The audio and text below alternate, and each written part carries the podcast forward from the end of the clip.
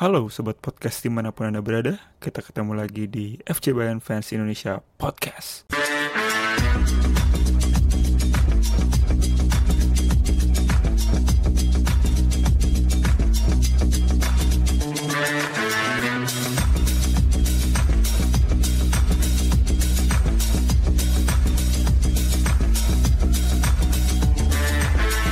Oke, sahabat podcast di mana pun Anda berada, kita ketemu lagi di FC Bayern Fans Indonesia Podcast, episode ke-5. Dan kali ini kita bersama Bang Kukuh lagi. Halo, yuk. teman-teman. Ketemu gue lagi. Yang sebetulnya harusnya kita siaran kemarin ya, live di YouTube, tapi ternyata tidak bisa karena beberapa kendala dan termasuk sinyal yang buruk.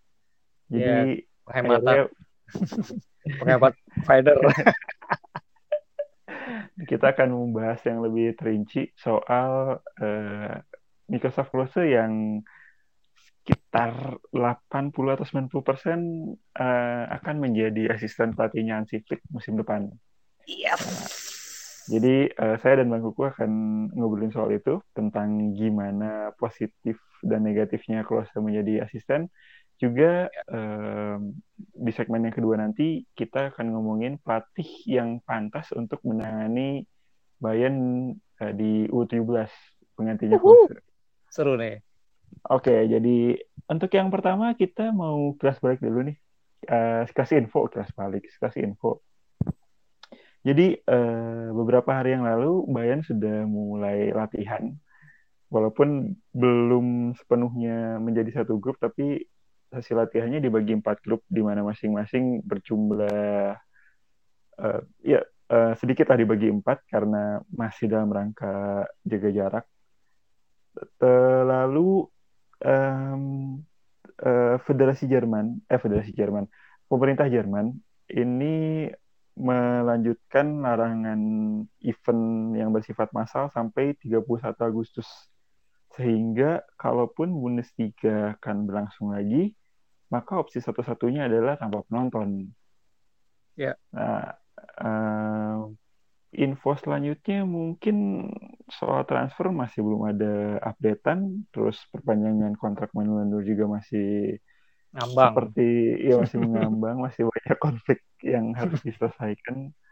Jadi mungkin segitu saja eh, sekilas info kita dan kita masuk ke topik pembahasan yang utama. Uyuh. Oke, eh, mungkin kabarnya beberapa dua hari yang lalu tepatnya ya close resmi eh, apa dirumorkan sepakat untuk menjadi asisten pelatih dan sebenarnya ini juga bukan kabar yang baru ya si Klose menjadi pelatih eh, menjadi asisten pelatih karena pada saat Hansi Flick jadi caretaker pun sebenarnya isu-isu ini udah sempat muncul gitu.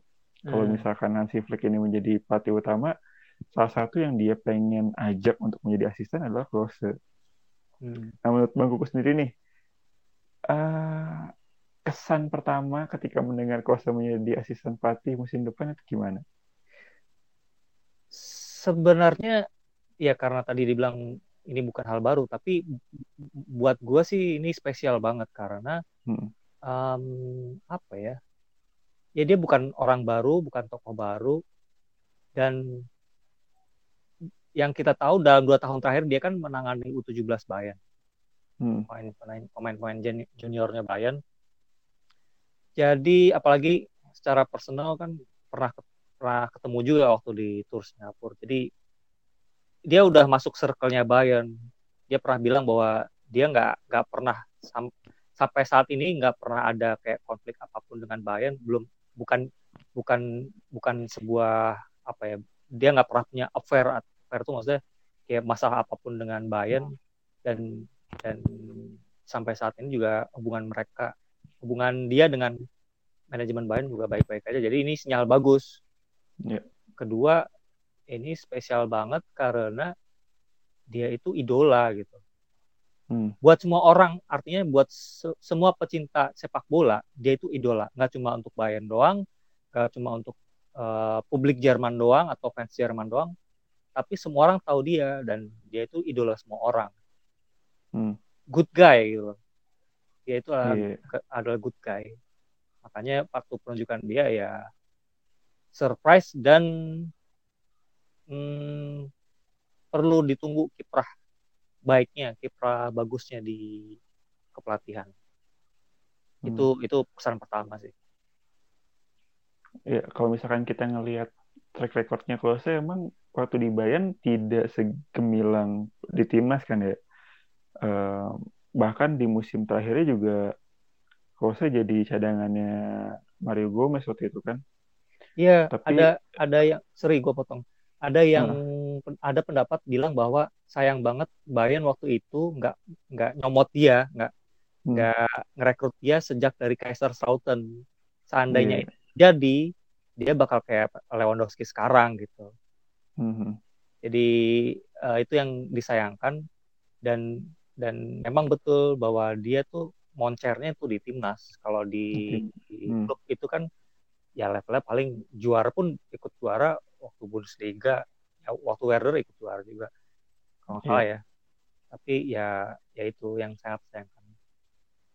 Ya, tapi kita bisa ngeliat lah uh, bukan hanya mentalitas tapi attitude-nya Klose gitu. Walaupun dia dilabeli pemain timnas dan bintang juga salah satu top skor sepanjang masa Piala Dunia tapi ketika dia dicadangkan ya dia menerima menerima aja gitu. Bukannya apa uh, membuat kegaduhan atau segala macam gitu. Dia tetap profesional sebagaimana mestinya gitu.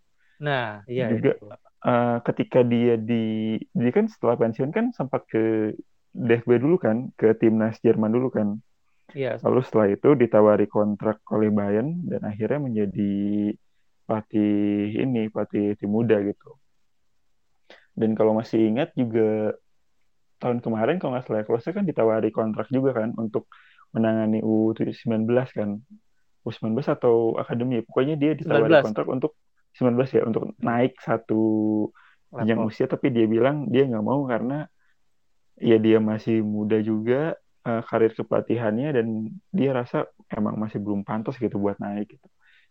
Jadi uh, ya attitude kayak gitu yang mungkin diperlukan bukan hanya untuk si pemain muda itu gitu, bukan hanya soal ilmu bagaimana cara bermain bola, tapi dari sikap, dari profesional seorang atlet juga Klose sangat-sangat mumpuni lah gitu. Benar, benar, benar. Setuju nggak gimana? Benar banget, benar banget. Jadi kalau perlu gue tambahkan itu sebenarnya awal musim lalu ya, awal musim ini maksudnya awal musim ini tuh yeah. Hasan Salihamidzic itu nawarin dia untuk naik ke posisi pelatih U19 sebelum hmm. diisi sama Dani Schwarz sama Dani Schwarz dan Martin Demichelis. Yeah. Cuman jawaban Klose adalah dia nggak mau. Dia bilang dia hmm. mau fokus ke tim U17 karena ya. apa karena dia lagi ngebangun nih ngebangun si tim U17 ini dia dia lebih baik fokus ke tim yang dia bangun sekarang gitu ya dia hmm. lebih kepada um, apa ya dia lebih pada fokus pada apa yang sedang dia kerjakan gitu itu ya. profesional banget kan artinya dia nggak mau tiba-tiba si pemain-pemain yang udah dididik selama setahun ini si tim U17 ini tiba-tiba ditinggal hmm. aja gitu enggak dia pengen hmm lihat dulu nih potensinya U17 kayak gimana. Oh udah kebentuk. Bolehlah dia dia uh, cari pengalaman yang lain. Toh di summer ini kalau nggak salah dia uh, dan Dani Swartz dia lagi ambil lisensi kepelatihan uh, di FB kalau nggak salah. Dia dan pelatih hmm. U19 ya U19 kan ada ada dua. Uh, Dani Schwartz sama Martin Demekles keduanya itu kedua kedua-duanya tuh Klose dan Swartz ini sama-sama ngambil lisensi pelatih di DFB. Artinya hmm. bisa jadi dia juga ditawarin oleh klub-klub Bundesliga untuk jadi pelatih gitu. Ya, uh, kalau kita lihat juga musim kemarin Bayern U17 juga cukup bagus kan ya. Uh, walaupun tidak sempat juara tapi ya dari segi permainan juga kayaknya positif positif aja gitu. Kita nggak pernah ngelihat um, komentar-komentar jelek gitu dari fans uh, Bayernnya sendiri. Kalau misalkan di Sebastian Horas kan kita kan sering ngelihat kan kalau Bayern kampus atau when uh, reverse main tuh komen-komentarnya ada yang jelek aja gitu. Tapi kalau Bayern kampus tuh ya orang-orang pada pada muji progresnya gitu Iya, berarti kan secara tidak langsung kan nilai positif itu buat Klose iya banyak yang respect dengan dia dan pada Hmm. saat hari pertama dia melatih pun banyak banyak wartawan yang langsung wawancara dia gitu. Hmm. Dan gaya gaya melatih dia itu tenang dan dan apa ya? eh taktikal banget gitu loh. Ya. Dia lebih fokus ke teamwork, mengembangkan teamworknya pemain-pemain muda. Dia pengen mencetak lebih banyak penyerang yang bagus dan apa namanya? Ya itu yang kayak gitu yang pernah kan kita pernah kan satu ketika bahwa eh, dia dia dikenal sebagai fair fair play player gitu kan. Fair play Oh, player iya. of the year gitu. Karena Ah, waktu di Lazio pernah dia eh, dianggap eh, dia diang dia dianggap diving dia handsball Nah, dia handsball atau diving ya handsball ya? Handsball handsball tapi ya. terus di di dikasih penalti sama wasit kan? Terus dia menolak enggak enggak? Gol gol. Gol dia. Gol gol kena tangan gol kena tangan. Terus pemain Napolinya protes terus Klose bilang wasitnya itu kena tangan. Oh ya akhirnya nggak dikasih gol ya dianulir dia dia dia akhirnya mm, bilang ke wasit enggak itu enggak gol itu handsball gitu. Iya, makanya itu yang itu yang paling dikenang kan. Sosok iya. pemain yang mencetak gol terbanyak Piala Dunia tapi tetap Hmm. masih mempertahankan uh, attitude dia sebagai Iya. seorang profesional itu yang paling dibanggakan oleh uh, publik sepak bola tentang dia dan Mhm. dan dan bagusnya semua orang tahu dan itu menular ke harusnya dengan dia melatih itu Hmm. dan orang-orang tahu itu menular ke pemain-pemain muda ini gitu jadi iya benar pada akhirnya eh, cikal bakal pemain muda ini bergantung pada si pelatih itu. Jadi pelatih itu haruslah seorang idola dan tokoh yang betul-betul profesional di bidangnya gitu. iya ya berarti sejauh ini penunjukan Klose menjadi asisten ini positif lah ya Eh, banyak positifnya Dan eh, kita sekarang masuk ke tim utama nih. Bagaimana pengaruh Klose dan Hansi Flick ini musim depan kepada para pemain di tim utama. Sebagai legenda dan mantan pemain, apalagi sekarang dua-duanya mantan pemain Bayern nih, Hansi Flick sama Klose. Iya betul. Dua-duanya asal Jerman. Ada nggak sih pengaruh besar kepada para pemain dan tim itu sendiri gitu dengan duet eh ya walaupun kita bisa bilang bahwa duet ini tuh minim pengalaman gitu Hansi Flick baru pertama kali melatih eh, sebagai Head coach. pelatih kepala Ya. dan eh, head coach dan Klose juga umur kepatihannya ya baru satu setengah tahun lah gitu gimana kira-kira menangani pemain-pemain bintang Bayern ini Ya ini tantangan dan agak gambling sih memang. Kalau bisa bilang agak gambling ya. Karena kita hmm, ya kalau dilihat gini, kalau untuk kita bicara penunjukan, Hmm. ada beberapa poin yang mesti digarisbawahi.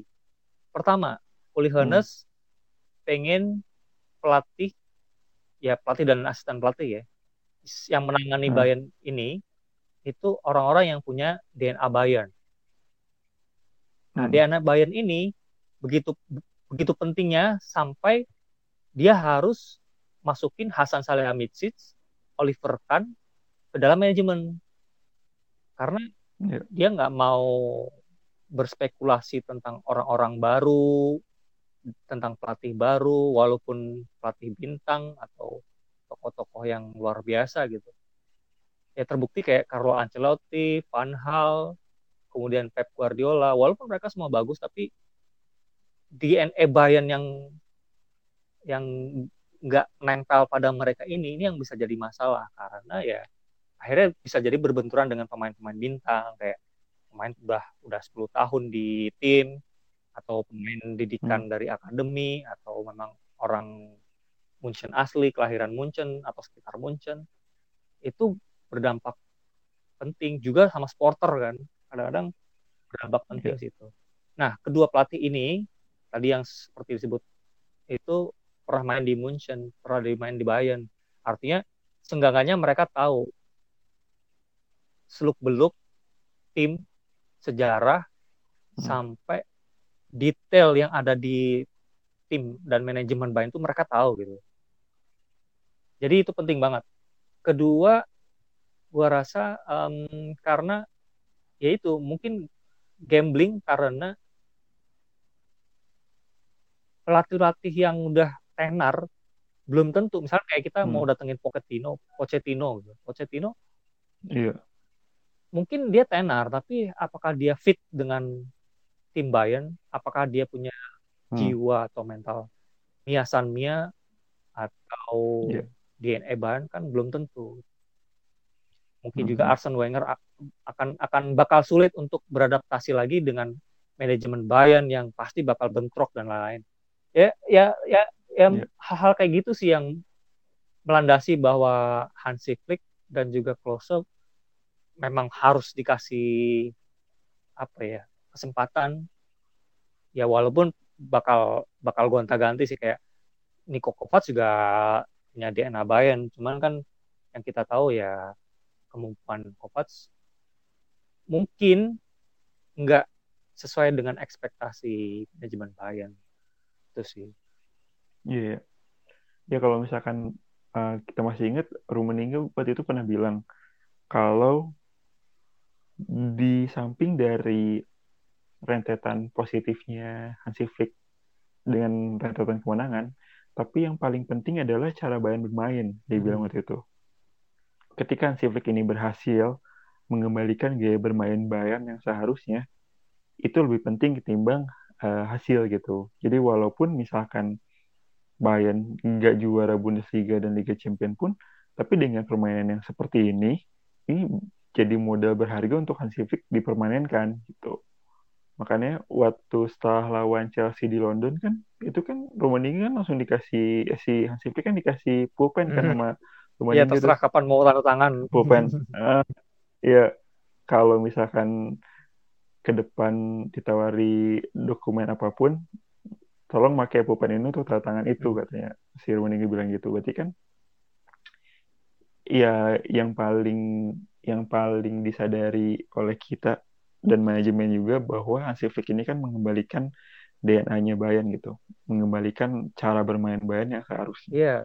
dan dengan adanya Klose juga mungkin ya pemain juga semakin apa semakin solid semakin hubungan antar pemain dan pelatih juga semakin bagus. Gitu. Yang penting trust sih, kepercayaan hmm. antara di dalam tubuh tim antara pemain ke pelatih, pelatih, yeah.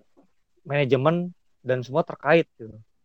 Kita dalam iya. tiga yeah. empat tahun terakhir kan selalu digunjang ganjing dengan kepercayaan antara pemain ke pelatih, pelatih, manajemen, manajemen dan hmm. lain-lain gitu terus yeah, terus aja gitu dari pelatih Pep, yeah, Van yeah. gitu.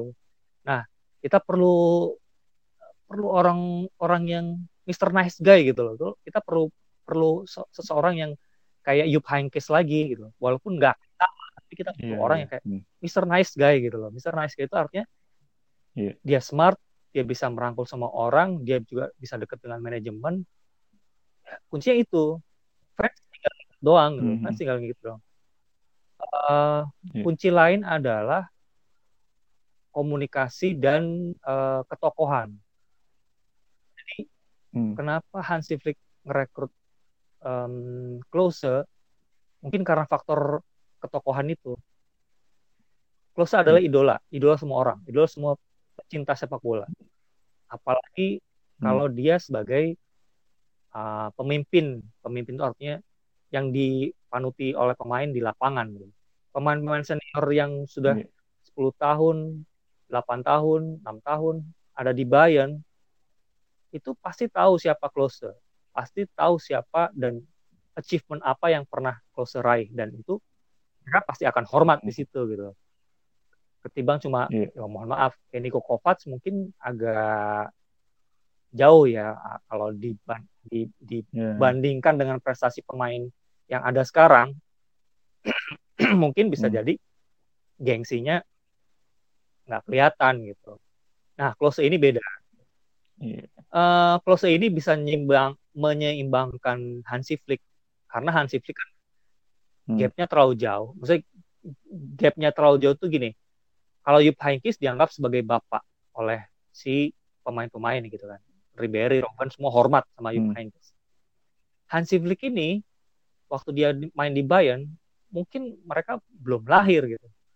Mereka belum ada yang nonton Hansi Flick Iya. main dan dan juga apa namanya secara apa secara idola mungkin mereka nggak nggak nggak nggak bukan mengidolakan seorang Hansi Flick jadi Mhm. eh, nobody gitu loh. Walaupun waktu itu dia pernah ngelatih sama Jogi Löw, perannya di timnas Jerman itu kan penting juga waktu 2014 juara. Hmm.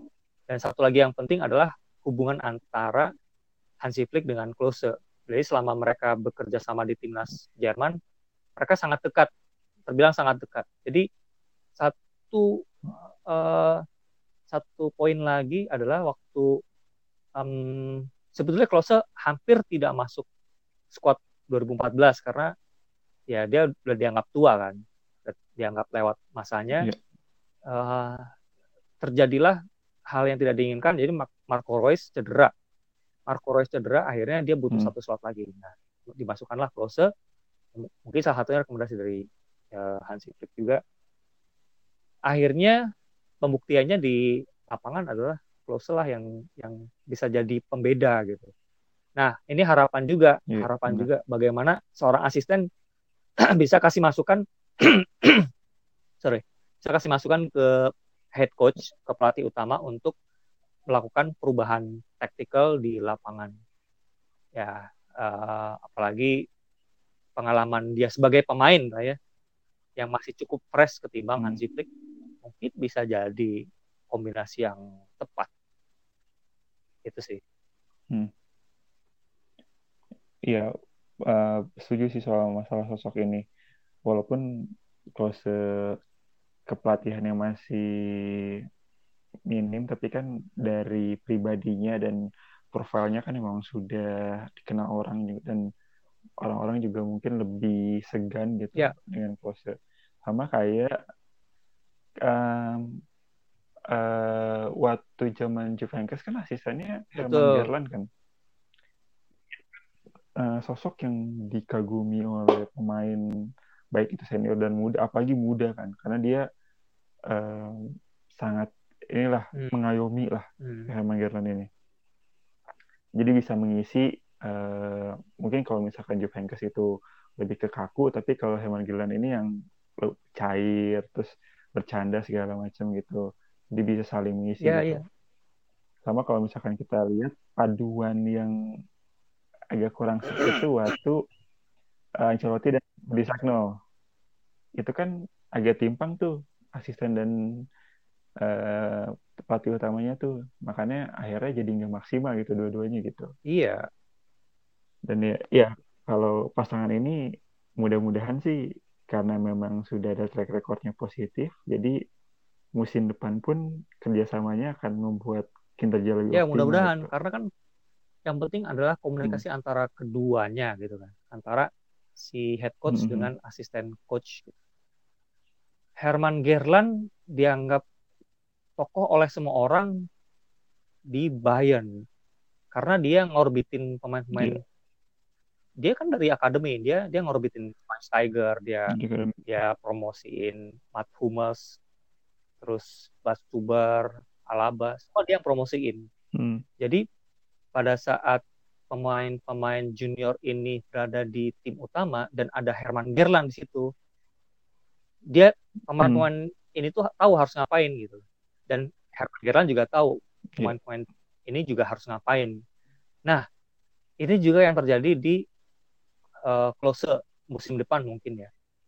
Harapan gua dengan Klose masuk ke tim utama, artinya staff staffnya asistennya Hansi Flick, dia bisa bawa pengaruh positif juga ke pemain-pemain junior, apalagi pemain junior yang dia latih di U17. Seenggaknya ini bisa mengekskalasi mental dan kemampuan si pemain U17 ini untuk berlomba-lomba mengisi eh, bukan mengisi apa berlomba-lomba untuk mewujudkan mimpinya masuk ke tim utama. Ini penting banget dan Hmm. Klose ini juga bisa menjembatani itu gitu. Oh pemain ini bagus, bisa kita coba kita trial di tim utama. Artinya, artinya uh, hmm. yang yang selama ini kita damba-dambakan 10 tahun terakhir kita nggak ada pemain dari akademi itu mudah-mudahan pelan-pelan bisa dijembatani oleh dua orang ini. Iya. Hmm, iya benar. Dan ya itu juga bakal nyambung ke pembahasan kita hmm. di segmen yang kedua sih tentang uh, kenapa Akademi Bayan ini sudah mulai susah mengorbitkan pemain ke tim utama dan siapa pelatih yang kira-kira pantas menggantikan Bayan di uh, tim U17. Jadi mungkin yang segmen pertama ini pembahasannya kita cukupkan dan nanti kita lanjut ke pembahasan di segmen yang kedua. Stay tuned. FC Bayern, Stern des Südens, du wirst niemals untergehen, weil wir in guten wie in schlechten Zeiten zueinander stehen. FC Bayern, deutscher Meister, ja so heißt er. Ja, so war es und so ist es und so wird es immer. Oke, sekarang kita masuk ke segmen yang kedua di mana kita akan uh, berbicara tentang pelatih yang pantas nih.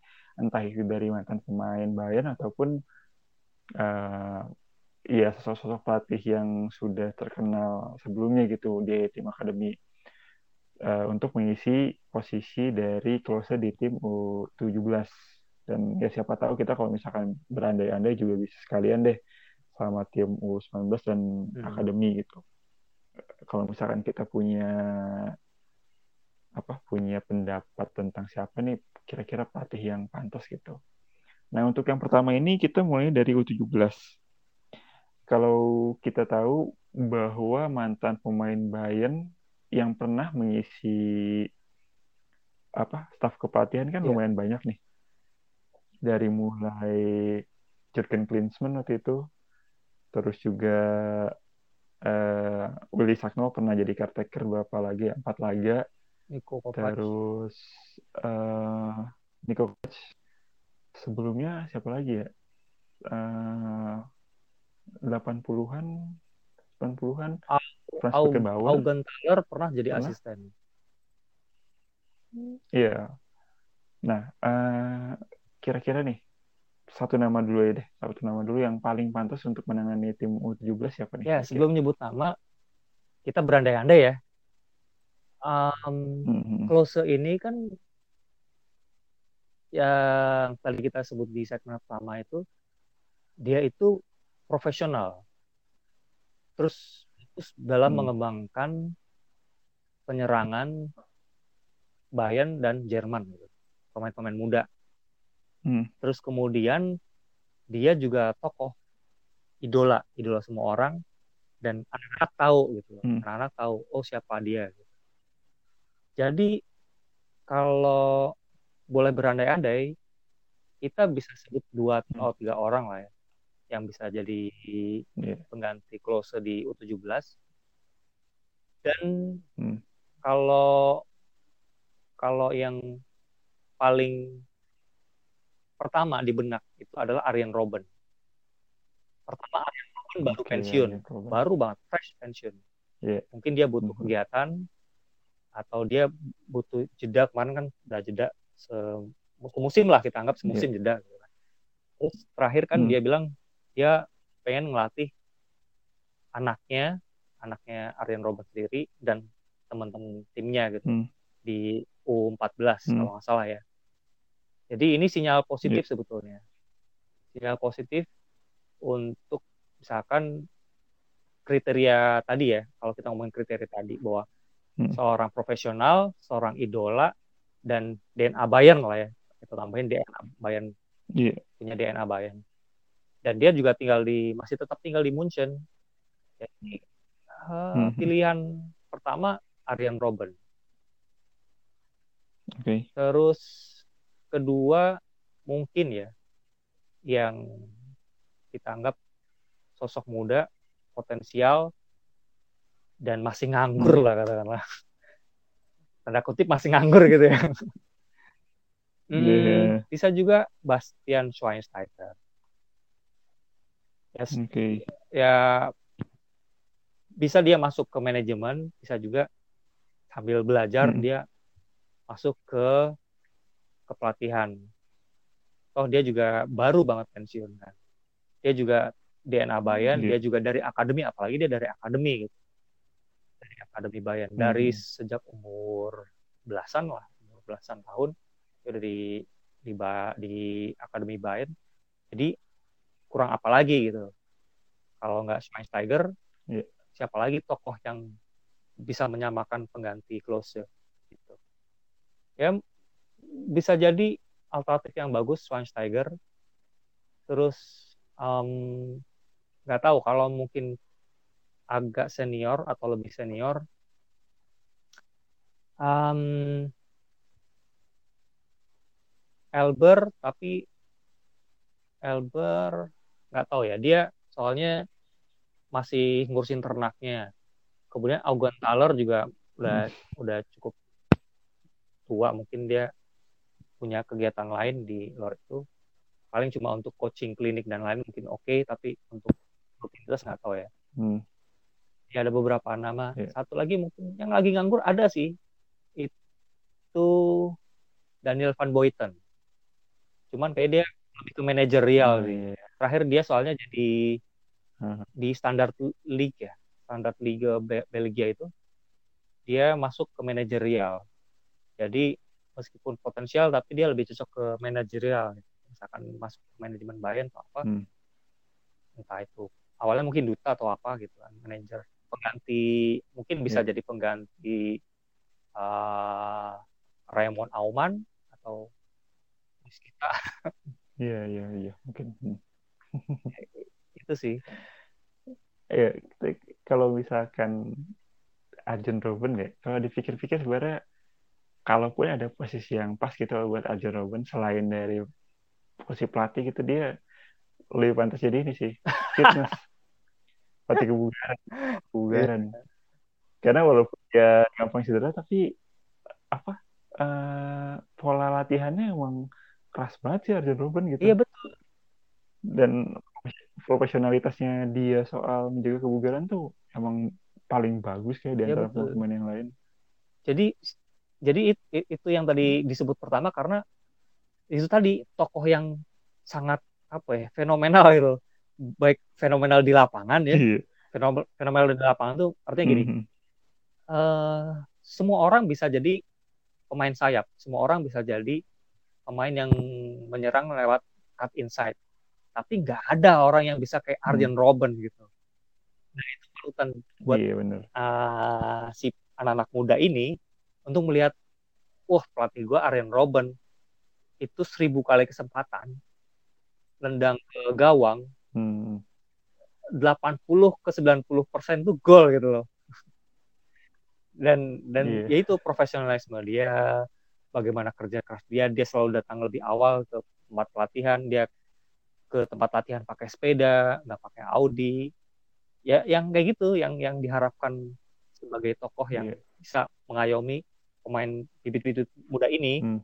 untuk menuju jenjang yang hmm. lebih profesional kalau Schweinsteiger yeah. ya pertimbangannya pasti karena dia udah DNA-nya bayan banget ya pokoknya iya yeah Mister Bayern. Ya. Eh ini apa? Mister Bavaria. Mister Bavaria ya, ya betul. Baik, uh, kalaupun misalkan kita mikir bahwa ini uh, waktu main bagus, jadi pelatih bagus, tapi juga kita nggak kepikiran bahwa Martin Demichelis tiba-tiba jadi pelatih U19 dan ternyata bagus. Nah, kan kita nggak pernah tahu gitu. Kita nggak pernah tahu. Nggak gitu. semua pemain hebat bisa jadi pelatih hebat. Tapi yeah. tapi satu kunci sih, pemain-pemain yang disiplin, pemain-pemain memang dari awal itu pemain-pemain yang apa ya mindsetnya itu textbook pemain yang mindsetnya itu hmm. uh, apa ya teamwork banget itu bisa lebih yeah. biasanya lebih lebih sukses ketimbang pemain yang hmm. uh, konotasinya adalah pemain yang skillful yang uh, apa ya flamboyan yang yang karismatik dan ya kita sebut Maradona gitu kan atau iya. pemain-pemain yang yang apa ya flamboyan lah yang yang ya belum tentu hebat juga jadi pelatih gitu terbukti hmm. ya Yup Heynckes pemain hebat juga pada zamannya dia juga yeah. pelatih yang hebat di masa berikutnya begitu juga dengan Franz Beckenbauer kan pemain-pemain yeah. yang hebat terkenal tapi juga uh, mindsetnya karena mindset terbangun oleh tactical game gitu Johan Cruyff hmm. juga kan beda dengan pemain-pemain yeah, yang itu. kayak dari ya kita sebut Latin tentu hmm. Ya uh, mungkin satu nama lagi yang menurut saya ini pantas. Walaupun sebenarnya track recordnya dia sebagai pelatih juga nggak bagus-bagus amat gitu tapi saya nggak tahu sih tapi nama ini selalu terngiang. Itu adalah Stefan Effenberg dia selalu terngiang karena ya kalau misalkan untuk di tim muda gitu 17 kan mikirnya mereka pasti butuh pelatih yang kalau galak galak sekalian gitu. Tapi ya ada isinya gitu karena dia kan mantan pemain kan. Jadi ya sama lah kayak misalkan Milan ngerekrut Gattuso walaupun Gattuso secara taktikalnya ya pas-pasan tapi mereka eh, apa mereka pengen mentalitasnya Gattuso ini kebangun lagi di timnya Milan yang sekarang gitu. Karena uh, pengorbanannya gitu gitu. Tapi ya sayangnya langsung di tim utama. Tapi kalau misalkan di tim muda kan mungkin jatuhnya jadi beda hasilnya. Apalagi ya kita tahu kalau tim muda kan salah satu aspek yang paling penting kan mental. Kalau mereka nggak punya mental di tim utama sebagus-bagusnya pemain sebakat-bakatnya pemain juga ya pasti bakal gugur gitu sebelum layu sebelum berkembang kalau nggak ada mental. Jadi ya nggak tahu sih ini bagus atau enggak tapi menurut saya sih Evanberg layak lah untuk dicoba. Ya patut patut juga dicoba Evanberg karena dia kan tokoh juga kan. Dia kapten hmm. dia dia garang di lapangan. Walaupun sekarang hmm. sekarang sih kalau kelihatannya di medsos ya dia udah kayak jadi Mr. Nice Guy gitu. Ya, lebih ke ada suka aneh-aneh juga sih iya makanya. Jadi lebih ke kayak good granddaddy kayak good good good apa gitu kan. Kayak ya kayak gitulah kehidupan hmm, pribadi dia gitu kan. Nggak kayak waktu dulu hmm. waktu akhir akhir 90 ke 2000 gitu kan pegajulan gitu kan sampai ya, gosip banyak gosip lah kayak gitu. Hmm. Tapi betul juga artinya perlu dicoba juga karena membangun mental pemain itu mesti dimulai dari paling nggak 17 lah ya karena taktikal game hmm. mereka udah harus uh, paham betul dan kemudian mental bermain. Gua rasa Evan Burke juga salah satu uh, kandidat yang bagus untuk tim junior ya di kelas hmm. apa pun lah ya di U23, 19 atau 17 ya satu hal yang yang mungkin terjadi adalah uh, gap generasi nggak tahu deh mungkin gap generasi juga karena Evanberg ini kan mereka belum lahir mungkin pada saat juara Champions mereka belum lahir hmm. karena kebanyakan lahir 2003 hmm. 2004 ya, tapi bagus bagus juga hmm. Poin penting karena mm, membangun mentalnya itu. Iya, dan siapa pun yang nantinya jadi pelatih di akademi ataupun di tim-tim yang muda, ya pastinya kita berharap lebih diutamakan untuk para pemain mantan pemain Bayern ya karena bukan hanya soal DNA tapi juga soal histori dan ya mereka juga paham gitu. Apalagi yang berasal dari akademi kan secara keterikatan emosi kan mereka juga lebih bekerja secara maksimal gitu ketimbang yang udah kamu dibayar untuk sekedar melatih terus dikasih target apa dikasih target uh, jangka pendek harus ada yang promosi pada akhirnya yang dipromosiin yang masih setengah jadi hmm. gitu ya. Jadi kan kalau misalkan mata pemain atau orang-orang yang punya apa punya jiwa bayarnya lebih kan mereka mikirnya jangka panjang kan jadi mereka juga nggak sembarangan buat melatih dan mengorbankan pemain mungkin poinnya ini kali ya mencetak pemain muda yang siap masuk tim utama gitu kali ya karena iya, kayak yeah kita kita sekarang kita bahas nih pemain-pemain backnya Bayern itu kan rentan cedera Lukas hmm. eh sorry uh, Jerome Boateng terus hmm, Lucas Hernandez sama satu lagi Hernandez. kan Lucas Sula kan Hmm. cedera tuh.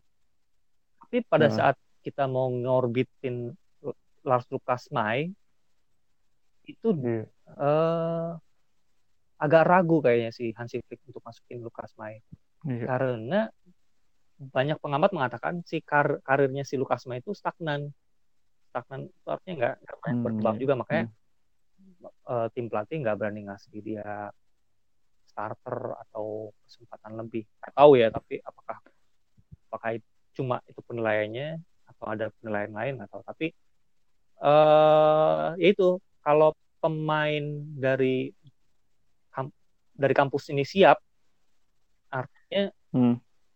tergantung pelatih ya kan pelatih harus bisa mencetak Iya. pemain yang siap dulu baru pelatih utama tinggal Mhm. nyomot oh ada rekomendasi dari tim junior nih oke kita coba gitu Iya. kan gitu artinya kalau kalau nggak siap ya gimana toh kayak Zirkzee gitu kan Iya. dicoba siap Hmm. jadi bisa juga akhirnya pada akhirnya gitu Mhm. Bikin kita eh, what- eh, contoh yang paling nyata adalah Rensing kan. Sebetulnya kan dia belum siap, tapi karena sudah waktunya dia yang gantiin Oliver Kahn, pada akhirnya beban jadi numpuk, terus dia nggak perform sesuai dengan ekspektasi, akhirnya karirnya ya jadi turun gitu ya. Sama kayak terakhir eh, Lucas Schroeder ya, yang kiper juga tuh. iya kalau kalau Yang Lucas dia, dia dibeli dari Schalke Iya, sih, kayak tapi kan itu kan masih muda kan, terus dia bikin satu blunder, ya udah akhirnya nggak kepake lagi gitu. iya kalau Ya mungkin itu juga Lukas Mai juga takutnya misalkan Lukas Mai itu dipasang, terus dia bikin blunder atau dia bermain buruk, akhirnya dia nggak percaya diri, ya udah dia nggak akan bisa naik lagi ke tim utama akhirnya. ya karena tim pelatih sendiri kan punya tim analisis ya kayak Hmm. si Hansi Flick pasti punya asisten yang ya coach lah eh, coach atau scout yang mengamati pemain mudanya dari akademi pemain muda dari tim lain masing-masing ya ada tugas masing-masing ya mungkin itu rekomendasi dari scoutnya tim scoutnya Hansi Flick bahwa atau dari dari akademi tidak merekomendasi atau apa nggak tahu lah pokoknya walaupun merekomendasi Hmm. tapi tim scoutnya nggak melihatnya ah belum siap nih ya Iya. ya akan susah. Nah, tadi kayak dibahas Mike, Mikael Rensing kan, Hmm. waktu di akademi dia bagus banget. Iya. Waktu di akademi dia bagus banget. Tapi masalahnya adalah yang dia gantiin itu Oliver Kahn. Jadi kasihan banget itu waktu itu. Jadi ekspektasinya terlalu tinggi dan beban mentalnya juga langsung dipaksa untuk di levelnya Oliver Kahn gitu. Hmm. Akhirnya ya beban mental jatuh. Dulu juga ada Stefan Wessel juga begitu. Jadi pemain-pemain muda yang hidup di zaman Oliver Kahn ini otomatis mati karir deh. Bernd Dreher, Sven Schauerer, terus eh, terus Stefan Wessels eh, dan lain-lain termasuk eh, Rensing terakhir. Terus Lucas Rader juga ya karena dia dibayang-bayang Manuel Neuer kan Hmm. sama-sama dari Schalke dia nggak ada kesempatan untuk main ba- bahwa dia pemain muda dan dia butuh eh, jam reguler Hmm. tapi nggak dikasih ya gimana dia harus nyari tempat yang lain sama juga Markus Foylner Um, dia orbit bareng sangkatan sama Schweinsteiger. Terus ada Piotr Trochowski iya. itu dari akademi juga. David Yarolim akhirnya jadi legenda di Highspau karena di Bayern nggak dapat tempat. Terus ya beberapa nama lokal Hmm. Christian Lab, Otto juga nggak berkembang. Satu yang agak unik cuma Sandro Wagner itu pun udah melalang buana ke mana-mana terus balik lagi jadi dewa. Itu aja udah pengecualian. Ya, eh, berarti sekarang kita tinggal tunggu resminya aja nih close untuk menjadi asisten pelatih Bayern musim depan. Dan kayak sekarang juga masih belum ada ya bocoran-bocoran soal siapa pelatih U17 dan perkembangan dari Martin Demichelis dan Sebastian Hones ya. Jadi mungkin kita tunggu aja beberapa pekan kemudian lah sekalian kalaupun misalkan nanti ada info-info terbaru soal pelatih yang nanti akan menjadi penggantinya Klose ataupun ada perubahan dari sisi komposisi pelatih tim muda itu nanti kita bacakan di podcast selanjutnya. Podcast berikutnya. Iya. Hmm. Dan ya mungkin episode kali ini kita uh, udah cukup banyak membahas lah dari mulai potensi pasangan Hansi Flick dan Miroslav Klose ini. Terus juga kita tadi udah ngomongin soal siapa ini nama-nama yang berpotensi untuk menggantikan Miroslav Klose di Klose. tim U17 terus juga tadi udah bahas-bahas tentang kenapa pemain di akademi agak susah nih masuk ke tim utama. Dan mungkin terakhir nih uh, Bang Kuku um, mungkin bisa dibilang prediksi kali ya. Prediksi Bayern di musim depan dengan duet Hansi Flick dengan Klose ini. Karena kita tahu kabarnya kan Bayern juga sedang mengincar tiga pemain bintang Jerman kan. Dan apakah ya. eh, pasangan yang sama-sama berasal dari Jerman ini akan membuat Bayern semakin Jerman lagi di tahun depan, semakin banyak pemain-pemain timnas Jerman lagi uh, di komposisi timnya atau kayak gimana? Um, karena Klose masuk, kemungkinan Bayern butuh pemain yang tipikalnya power menyerang, hmm. powerful gitu, menyerang. Hmm. Uh, nama-nama kayak Timo Werner bisa jadi salah satu target utama ya hmm. dan yang paling memungkinkan untuk direkrut kalau ngeliat dari tipikalnya Klose ya Klose dan Hansi Flick Hansi Flick secara pribadi suka dengan Timo Werner hmm. terakhir di Twitter ada kabar Sane ngasih sinyal positif yeah. belum tahu itu betul atau enggak kemudian ya yang terbaru ada kabar dari Leverkusen malah Aranguiz. Oh iya Aranguiz ya. Iya Aranguiz mungkin nggak tahu deh bakal kayak gimana nanti. apakah Toliso yang disingkirkan atau atau gimana? Hmm. Tapi yang jelas yang jelas mereka bakal ngerekrut pemain-pemain yang lebih menyerang kayaknya gitu kayak gitu sih. Hmm. terus uh, prediksi musim depan nih dari segi prestasi Bayern dengan duet pelatih ini bakal kayak gimana? Apakah bisa treble atau mungkin ya masih dominasi di dalam negeri aja dulu deh gitu? Hmm. Ya agak susah sih tapi kalau gue ngebayangin hmm butuh paling nggak satu tahun untuk satu tahun atau lebih untuk juara Champions. Oke. Okay. Artinya mereka harus betul-betul padu dulu dalam hmm. tim, chemistry-nya dapat, dan kemudian oh mereka tahu formula yang tepat. Gitu. Kan kontraknya Klose sampai 2023. Iya. Yeah. Sama kayak Thiago perpanjangan kontrak juga Muller 2023. Hmm. Jadi um, seenggaknya 2021 atau 2022. Tapi untuk untuk liga masih mungkin hmm. karena mereka mereka bakal punya determinasi permainan de, permainan Bayern bakal punya determinasi tinggi lagi balik kayak zamannya Jupp Heynckes. Hmm. Jadi bakal bakal bakal lebih menyenangkan lah permainannya. Oke. Okay. Prediksi ya kita berharap ya sih segala sesuatunya uh, berlangsung positif bukan hanya di Bayern tapi juga di keadaan sepak bola dan dunia ya jangan lagi ada kasus seperti corona ini jadi kita bisa menyaksikan oh. secara lancar dan ya pastinya inginnya sih Bayern bisa sukses di semua liga dan turnamen yang diikuti. Amin. Uh, mungkin untuk episode kali ini kita cukupkan untuk pembahasan dari Close. Untuk uh, teman-teman yang mau komentar soal Close dan menurut kalian Close ini bakal gimana nanti musim depan menjadi asisten manajernya Bayern bisa terus di kolom komentar. Siapa tahu nanti komentar terbaik kita bisa bawakan di podcast selanjutnya. Jadi terima kasih untuk yang sudah mendengarkan dan saya Aldi beserta Bang Kuku undur diri. Kita ketemu lagi di podcast FC Bayern Fans Indonesia episode selanjutnya. Cus. Niasan nih. Ciao ciao.